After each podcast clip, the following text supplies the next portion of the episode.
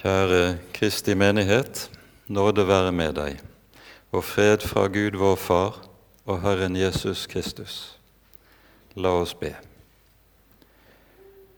Til deg, Herre vår Herre, kommer vi, og ber deg at du i din store nåde vil forbarme deg over oss.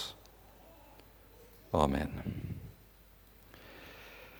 Det hellige evangeliet for bots- og bededag etter tredje rekke står skrevet hos evangelisten Lukas i det 15. kapittelet.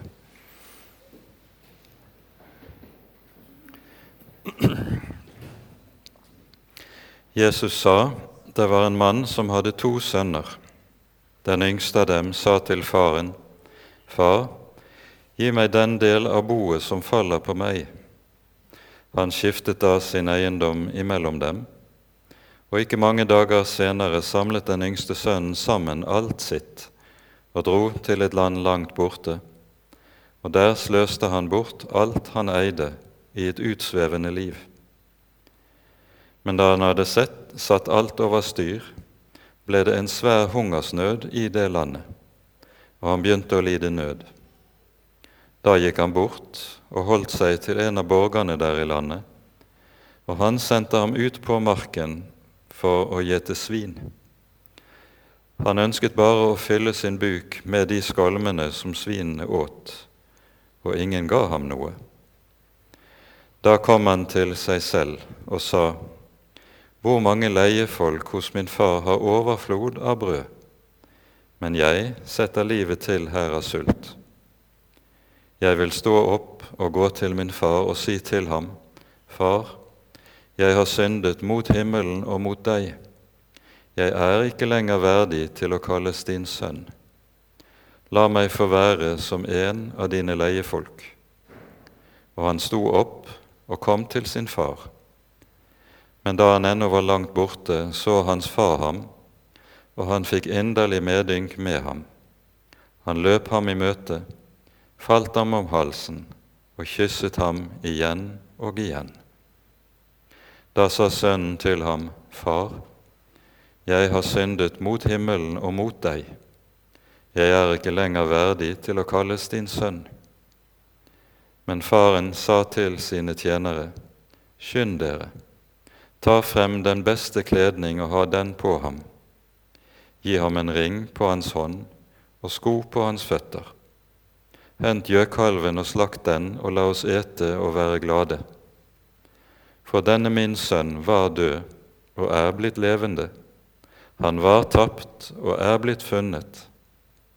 Og de begynte å være glade. Men den eldste sønnen hans var ute på marken. Da han kom hjem og nærmet seg huset, hørte han spill og dans. Han kalte til seg en av tjenerne og spurte hva dette kunne være. Og han sa til ham, Din bror er kommet, og din far har slaktet gjøkalven fordi han fikk ham frisk tilbake. Da ble han harm og ville ikke gå inn. Men faren gikk ut og talte vennlig til ham. Han svarte og sa til sin far, Se, i så mange år har jeg tjent deg, og aldri har jeg gjort imot ditt bud. Men meg har du aldri gitt et kje så jeg kunne glede meg med mine venner. Men da denne din sønn kom, han som ødslet bort din formue sammen med horer, da slaktet du gjøkalven for ham. Men han sa til ham, Barn, du er alltid hos meg, og alt mitt er ditt.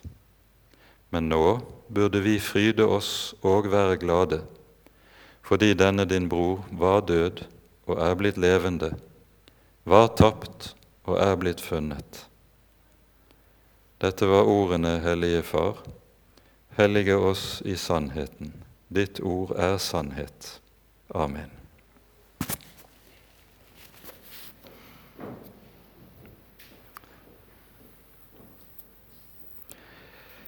Denne Jesu lignelsen har gjerne fått flere navn. Det vanligste navnet er at den kalles lignelsen om den fortapte sønn. Men eh, det er også blitt slik at Den ofte kan kalles lignelsen om den barmhjertige far, eller også lignelsen om to fortapte sønner. Og Hver av disse ulike benevnelsene bærer jo i seg en sannhet.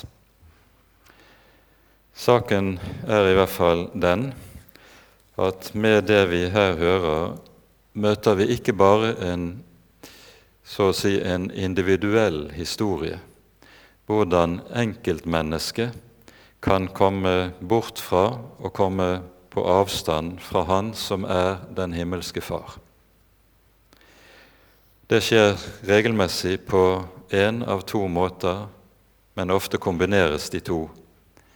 Enten gjennom at en lever i åpenbar synd og strid med Guds ord, eller at en lever som et selvrettferdig menneske som har et pent og pyntelig liv. Begge to er like langt borte fra Han som er Herre og Gud, slik som denne lignelsen minner oss om det. Lignelsen kan samtidig også være en illustrasjon på det som er hele menneskehetens og hele kulturens historie. Hvis vi skal tale om vår egen både norske kultur og den vestlige kultur, så har den det som fellesnevner at Norge har vært et kristent land, men har forkastet hele denne arv og gjort som den yngste sønnen og dratt til et land langt borte. Ja, langt borte er vår norske kultur fra Faderhuset og fra det som er den tusenårige arv av kristen tro som har kjennetegnet vårt land. Dette har vært et bevisst og villet opprør fra makthaverne og de politiske myndigheter gjennom årtier. Og etter hvert har dette båret sin frukt i land og i folk, slik at det kan sies om hoveddelen av land og folk at man har dratt til et land langt borte. Samtidig gjelder den situasjonen at Norge er blitt rikere og rikere. Og For mange har det vært slik at en har sett på denne vårt lands velstand og rikdom som en velsignelse. Jeg er slett ikke sikker på at det er tilfellet. Det kan godt hende at det motsatte er tilfellet. I eh, Davids salme 73, som er en salme av Asaf, så hører vi Asaf kjempe med spørsmålet hvordan kan det ha seg at de ugudelige lykkes i alt hva de gjør, mens den rettferdige ser ut til å måtte lide under megen motgang og megen nød. Her kommer svaret et stykke ut i salmen. Asaf sier jeg tenkte etter for å forstå dette. Det var en plage i mine øyne, inntil jeg gikk inn i Guds helligdommer og ga akt på hvordan det går dem. Ja, på glatte steder setter du dem. Du lot dem falle, så de gikk til grunne. Poenget her er de glatte steder understreker nettopp deres medgang er deres ulykke. Samme sak understrekes for oss i Davids salme 92, der det står slik Hvor store dine gjerninger er, Herre, overmåte dype er dine tanker. En ufornuftig mann kjenner det ikke, og en dåre forstår ikke dette. Når de ugudelige spirer som gresset, når alle de som gjør urett, blomstrer, så er det til deres ødeleggelse for evig tid. Jeg er redd at nettopp dette er det store alvor vi står overfor i vårt eget land. Nettopp vår medgang, vår velstand, er blitt en del av vår ulykke som, fører, som vil føre til vår ødeleggelse. Dette er jo noe vi ser i Israels folk forbilledlig i Det gamle testamentet, der vi hører at nettopp når folket opplever stor velstand og stor medgang, så blir dette samtidig også frafall og forfallstider. Det ser ut til at nøyaktig det samme er tilfellet med vårt eget land og vår egen kultur. Og så vender folket Gud ryggen, samtidig som det er like som den eldste sønn i huset opptrer med den aller største selvrettferdighet. For ugudeligheten er alltid egenrettferdig.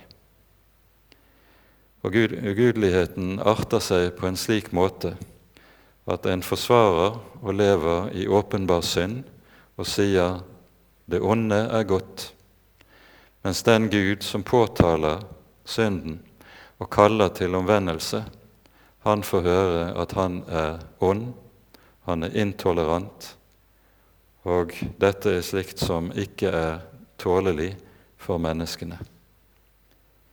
Men saken er jo den, i Den hellige Skrift, at det gis intet sant liv i Gud og med Gud uten omvendelse.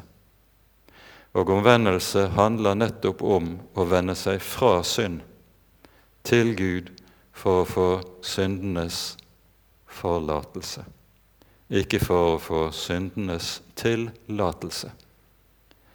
Og nettopp dette siste er blitt den store ulykke som har rammet store deler av Den norske kirke i dag, der kallet til omvendelse ikke lenger lyder, men mennesker får lov til å se på Guds nåde og kjærlighet som syndenes tillatelse.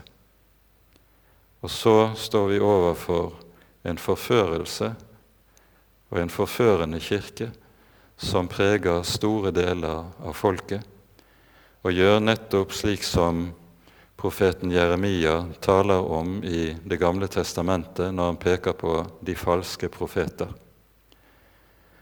Det sies om dem de styrker de ugudeliges hender, så ingen av dem vender om fra sin ondskap. Dette er det store alvor i kultursituasjonen som vi lever i. Derfor vil det også være slik at der Guds ord lyder, slik ordet gjør det i Den hellige Skrift, der blir det møtt med motstand. Det er utålelig. Og dette vil antagelig komme til bare å vokse seg sterkere og sterkere, slik utviklingen nå er i vårt samfunnsliv. Dette er noe som vi som Guds folk er nødt til å gjøre oss klart. Og så vil forkynnelsen, dersom den skal være sann og rett i bibelsk forstand, aldri kunne komme unna ropet til og kallet til omvendelse. Land, land, land, hør Herrens ord, roper profeten Jeremia. Og hans budskap er en eneste sammenhengende omvendelsesforkynnelse til land og folk. Denne tonen kan ikke forstumme.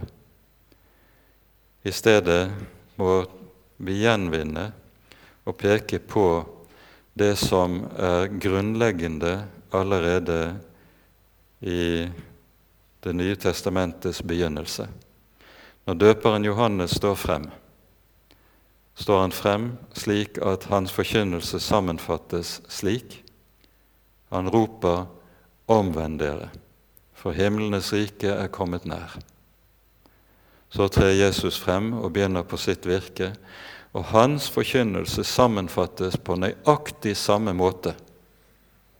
Kortfattet og enkelt. Han forkynner 'Omvend dere', for himlenes rike er kommet nær. Omvendelse handler om to ting, slik som profeten Jesaja taler om det i det 55. kapittel. Den ugudelige forlater sin vei, og den urettferdige sine tanker, og omvender seg til Herren sin Gud. For, sier Herren, mine veier er ikke deres veier, og mine tanker er ikke deres tanker.